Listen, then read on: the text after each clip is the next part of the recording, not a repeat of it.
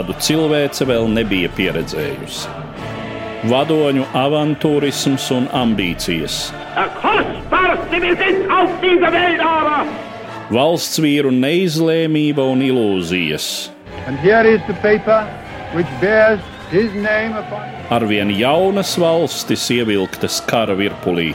United States of America was suddenly and deliberately attacked nežēlīgi malti cilvēku un tautu likteņi. Lai dzīvo darba tautas draugs un ģeniālais vadonis biedrs Stalins! Otrais pasaules karš sarunās ar Eduardu Liniņu raidījumu ciklā Satumsums. Labdien, cienījamie klausītāji!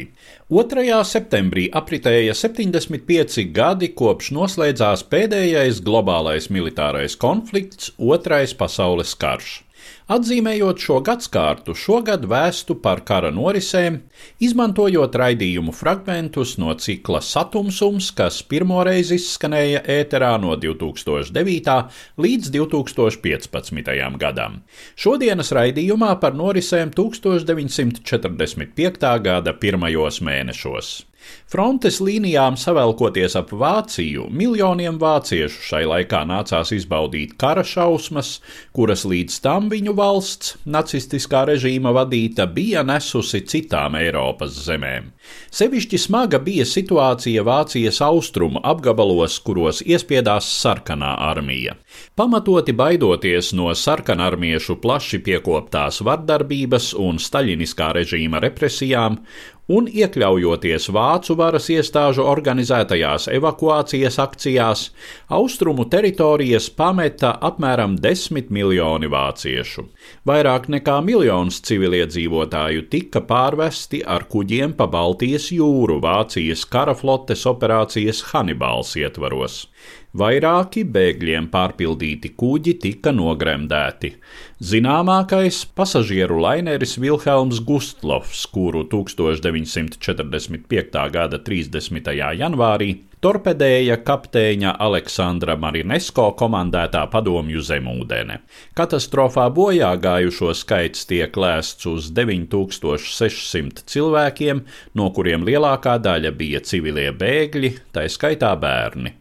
Tas ir lielākais viena kuģa avārijā dzīvību zaudējušo skaits kuģošanas vēsturē, stāsta vēsturnieks Latvijas Nacionālās aizsardzības akadēmijas pētnieks Valdis Kusmins.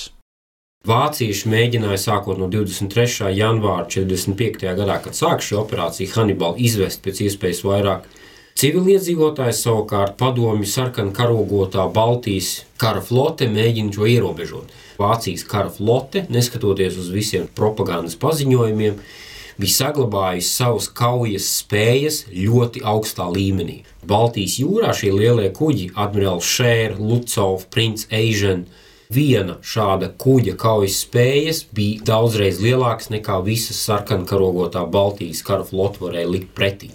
Vācijas kara flote dominēja Baltijas jūrā, Un vienīgais veids, kā padomju pusi varētu ietekmēt, viņi to varētu ietekmēt ar līdzekļiem, kas nebija saistīti ar kuģiem. Pirmkārt, tās ir mīnas. Baltijas jūra ir vienmēr tradicionāli bijusi visvairāk mīnētā jūra visos pasaules karos, kopš jūras mīnas ir izgudrotas. Ja mēs skatāmies lielākos zaudējumus 44. un 45. gadā, tad tieši mīnas bija viens no bīstamākajiem ieročiem, kurus var izmantot. Ierocis numur divi ir aviācija, ko padomju puse sāk intensīvi izmantot sākot ar 1944. gada vasaru. Un aviācija šajā gadījumā mums jāatcerās, ka arī rietumu sabiedrotie nelaida garām iespēju izmantot aviāciju ne tikai pret lielajām pilsētām, Berlīnu, Hamburgu un citur, bet arī tika veiktas mīnēšanas operācijas un bombardēšanas operācijas pret Ziemeļvācijas ostām. Tā skaitā arī pret Gotenhāfenu, kur kļūst par tādu kā galveno bēgļu evakuācijas izējas punktu. Un trešais ierocis, tās, protams, ir zemūdens, kurām it kā vajadzētu būt ļoti sekmīgām, taču faktiski apmēram 20 zemūdens, kas bija pieejamas, bet nekad, protams, viņas vienlaicīgi neatradās kaujas pozīcijās. Vienlaicīgi esošais skaits bija apmēram 5. Un, ja neskaita Vilhelmu Gustlofu, un kapteini Marinesko ar zemūdeni S-13, praktiski varētu teikt, ka zemūdeņu operācijas bija vismazāk sekmīgās. Kopējais skaitlis, ja mēs salīdzinām no tādas aktīvās karadarbības sākuma, vasaras beigās, 44. gadā līdz pat 1945. gada mājām, protams, viņš nekad nebūs precīzs, bet viņš tuvojās pie diviem miljoniem cilvēku, ieskaitot civiliedzīvotājus un militāru personas, kas tiek pārvadāts dažādos virzienos piedalījās, nu, sākot ar lielāko kuģi, ja nemaldos, tas bija Cape Arcona 27,000 tonnas, pēc tam jau tālāk uz leju. Vilhelms Guslavs bija ne otrajā, tad trešajā vietā - 25,000 tonu izmēriem. Protams, brīdī, kad ir šāda izmisuma situācija, uz šādiem kuģiem varēja sakāpt pat neticami liels cilvēku skaits. Viņi varēja apmesties vienkārši neticamās vietās. Tas ir arī iemesls, kādēļ bija tik smagi zaudējumi. Un šeit ir arī filmas filmētas, ir fotografijas redzamas, ka, piemēram, uz Vilhelma Guslava bija arī baseins, kurā nebija vairs ūdens, bet kurā atradās bēgļi. Būtiski bija arī garās ziemas, nakts apstākļi, kad, piemēram, Vilhelma Guslava gadījumā kuģis atstāja Gotenhāfenu vakarā, torpedēts viņš tika pulkstens deviņos vakarā pēc Berlīnas laika, bet tas jau noteikti bija tumšs. Nu, viena no versijām ir tāda, ka Vilhelms Gustlovs komandieris Friedrichs Petersens it kā esot saņēmis radiotelegramu, ka tojās mīnu trolēšanas konvojs, un lai nesaskrietos ar šo trolleru konvoju, tika ieslēgts navigācijas gaismas, kas ļāva Marinesko redzēt, kur šis kuģis atrodas. Ja runā par šiem kopējiem zaudējumiem, tad, protams, Vilhelms Gustlovs kļuva par tādu lielāko katastrofa pasaules vēsturē, bet jāatzīst, ka cilvēku evakuācija bija arī lielākā evakuācija pasaules vēsturē. Nogremdēto kuģu skaits patiesībā bija neliels. Vilhelms Gustlovs, ģenerālis von Steubens, Goja un šie trīs lielākie kuģi, un uz tiem bojā gājušo skaits ir nedaudz pār 15, 17 tūkstošiem cilvēku.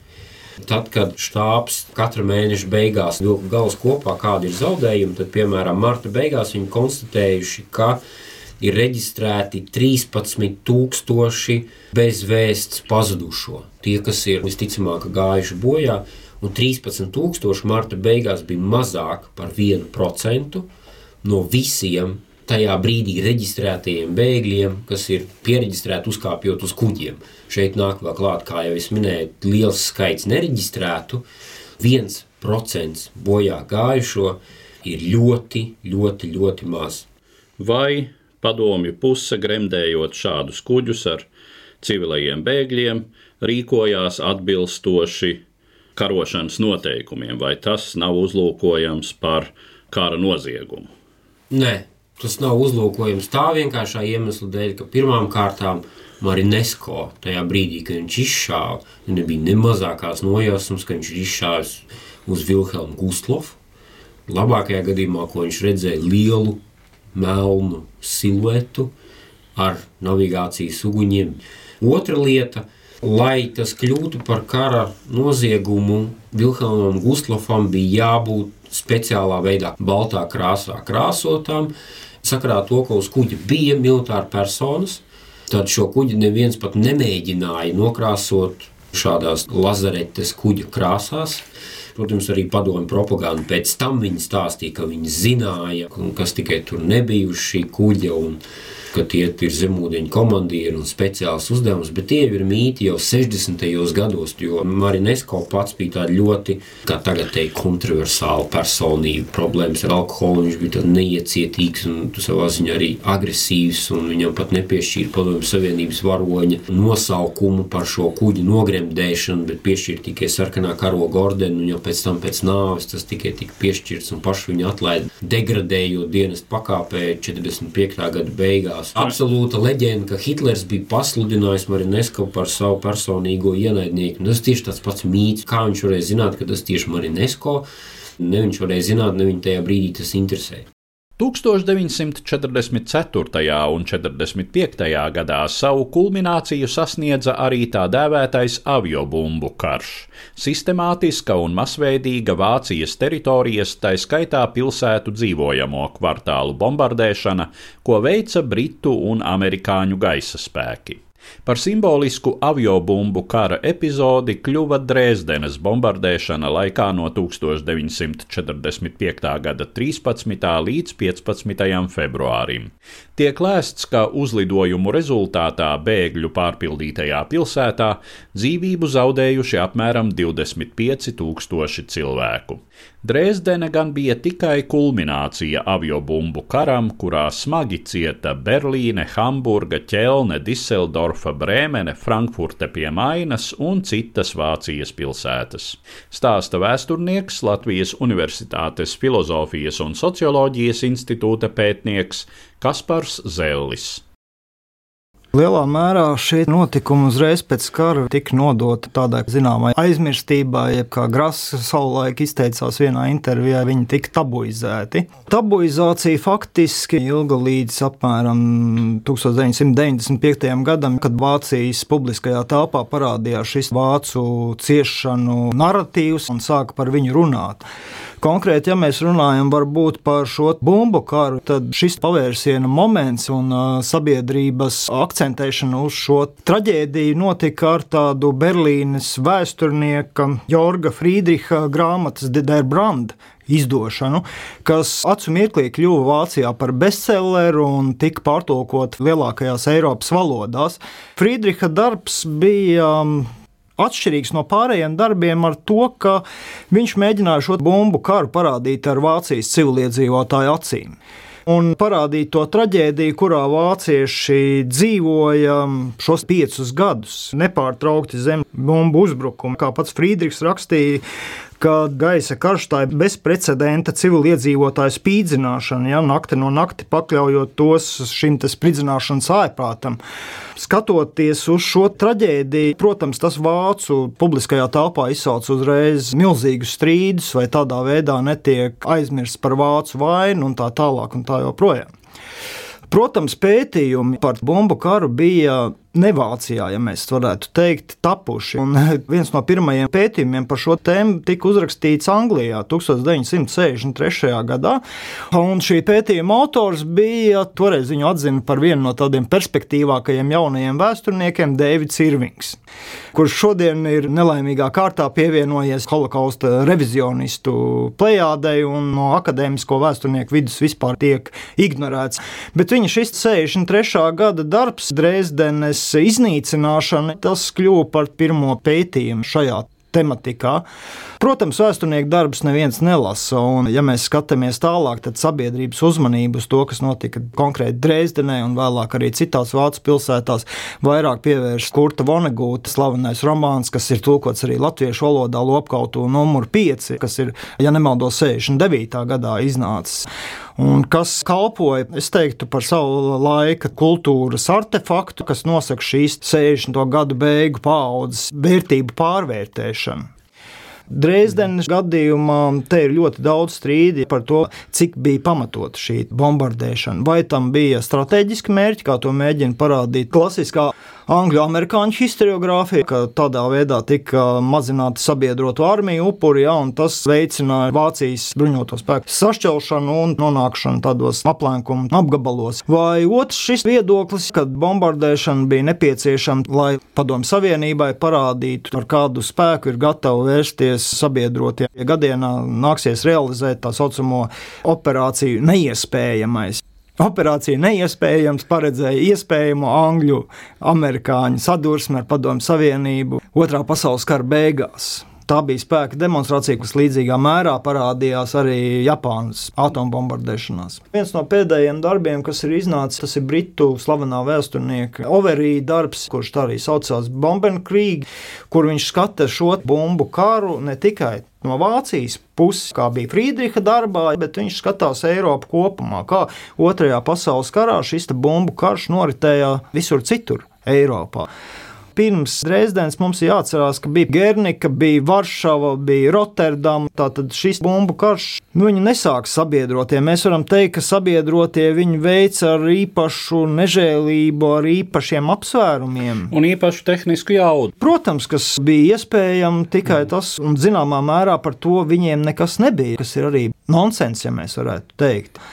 Juridiski, ja paskatāmies, tad it kā Hāgas savulaik 19. gadsimta beigās tās noslēgtās vienošanās par kara vešanu, kas paredzēja to, ka būtībā karš tiek vests džentlmeņu starpā, viņi neparedzēja to, ka varētu notikt kaut kas tam līdzīgs, ne tehniski, ne arī faktiski.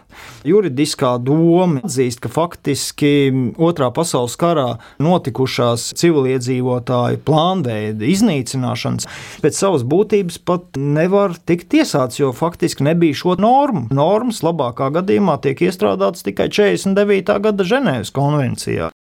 Tikām netālu no Jaltas, Krīmas pussalas dienvidu piekrastē, no 1945. gada 4. līdz 11. februārim tikās Savienoto Valstu prezidents Franklins Delano Roosevelts, Lielbritānijas premjerministrs Winstons Čērčils un padomju diktators Josifs Staļins, lemjot par pēckara kārtību Eiropā.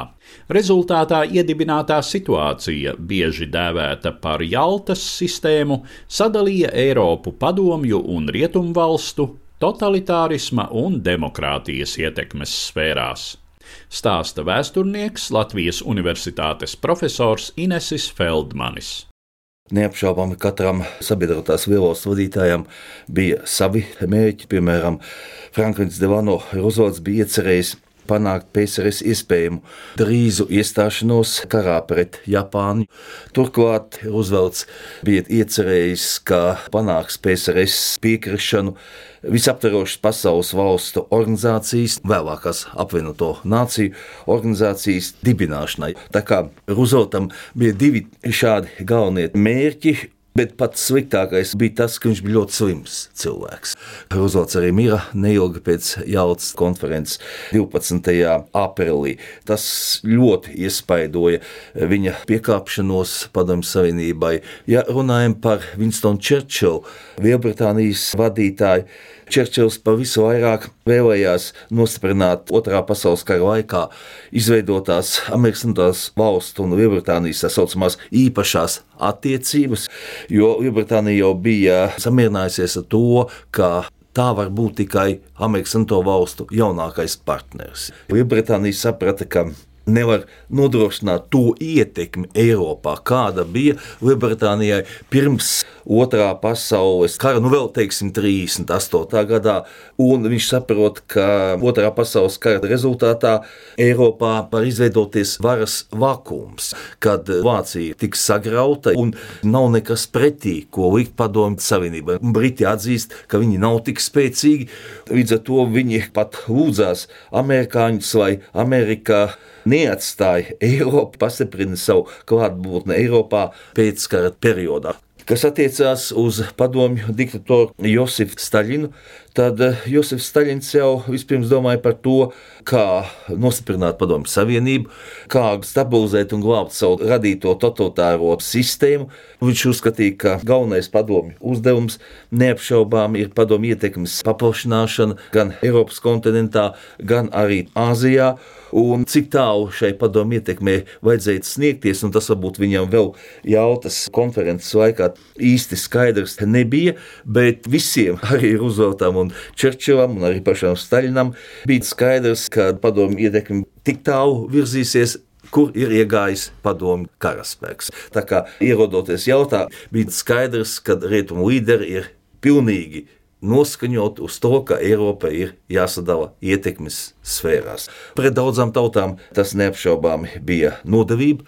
Tā bija atkāpšanās no Atlantijas hartas principiem, kur pieņēma Amerikas Savienotās valsts, Lielbritānija un arī pievienojās Padomju Savienība. Tā bija 41. gadā pieņemta, un šeit eh, tā galvenā ideja, ka pēc otrā pasaules kara tautas, kas ir zaudējuši neatkarību otrā pasaules karā, šī neatkarība ir jāatgūst.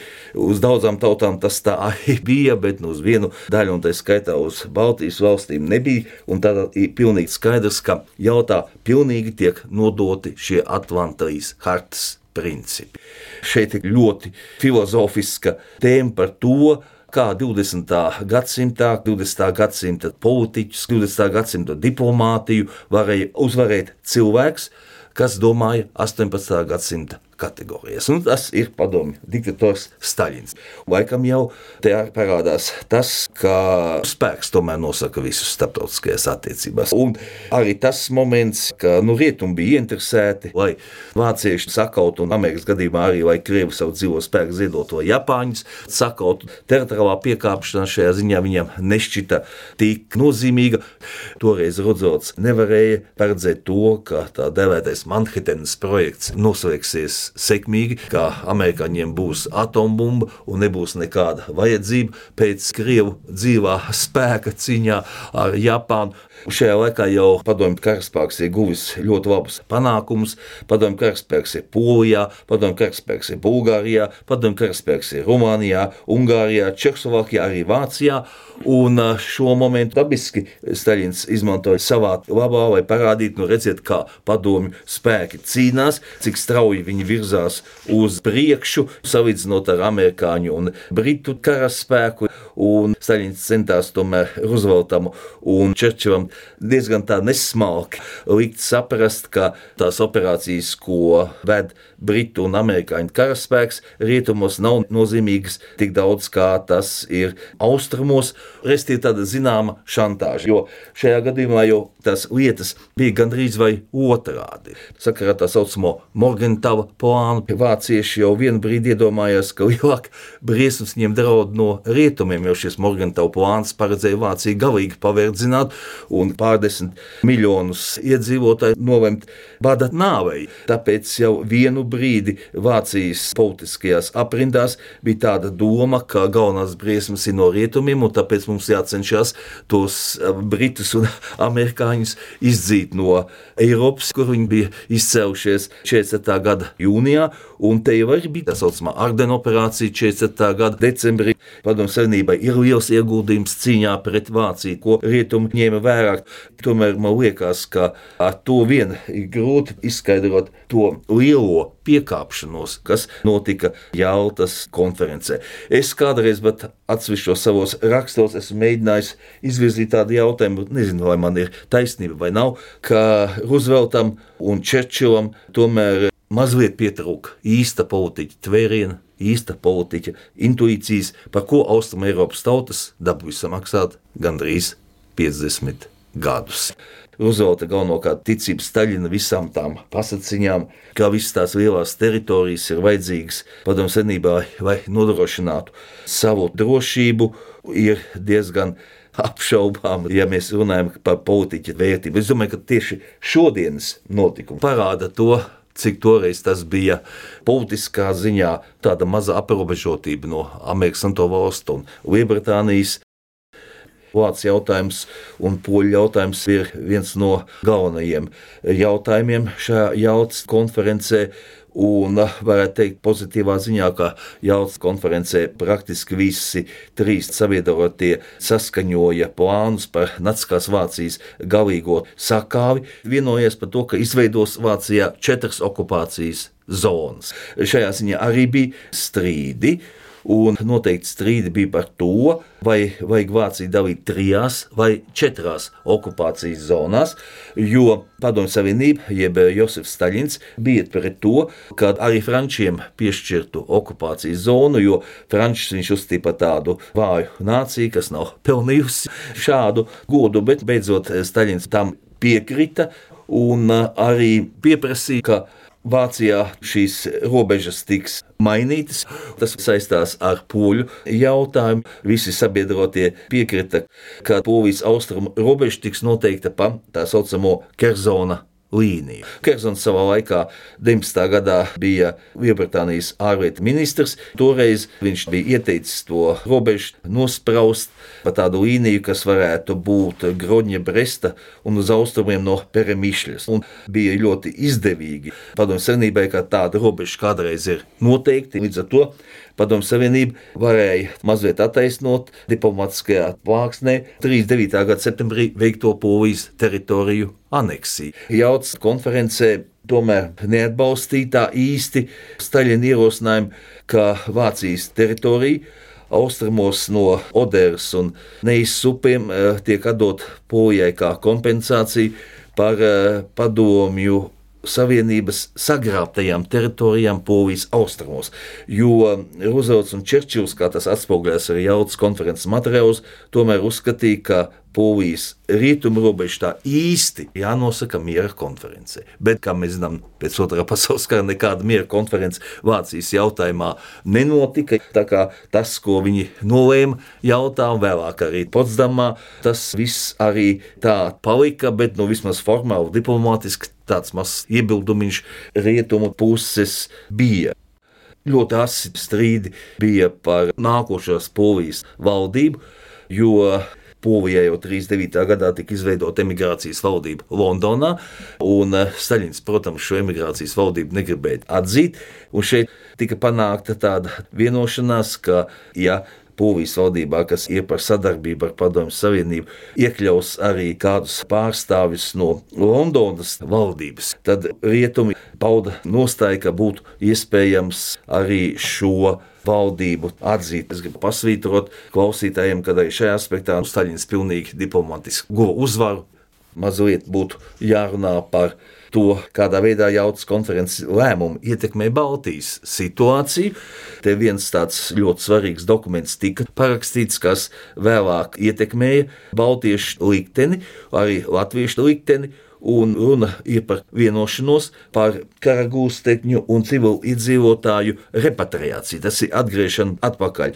Un proti PSRS izmantoja šo dokumentu, lai panāktu visus padomu savienības pilsoņu repatriāciju neatkarīgi no viņa individuālām vēlmēm vēlējies uz šī dokumenta pamata atgriezt mājās arī Baltijas iedzīvotājus. To vairāk kāda padomu savienība pieprasīja, bet šajā jautā parakstītajā dokumentā gluži vienkārši nebija definēts jēdziens padomju pilsonis. Un eh, pēc konferences beigām tas tika izdarīts, un padomju cilvēku definīcijā bija iekļauti tikai cilvēki, kuri bija padomju savienības pilsoņi uz pasaules kara sākumu. Tas ir uz 39. gada 1. septembra. Tā kā Baltija tajā laikā vēl nav padomju savienības sastāvā, tā izdevās baltiešiem izglābties no tā, ka viņi tiek izdoti padomju savienībai. Ja, nu, tas ir ļoti nozīmīgs jautājums. Mēs zinām, ka pēc otrā pasaules kara izbrauc no Latvijas apmēram 200 tūkstoši iedzīvotāji, ja, un tas arī izšķīra šo iedzīvotāju likteni. Jauts konference ir izpelnījusies tādus ļoti dažādus un pretrunīgus vērtējumus vēstures literatūrā.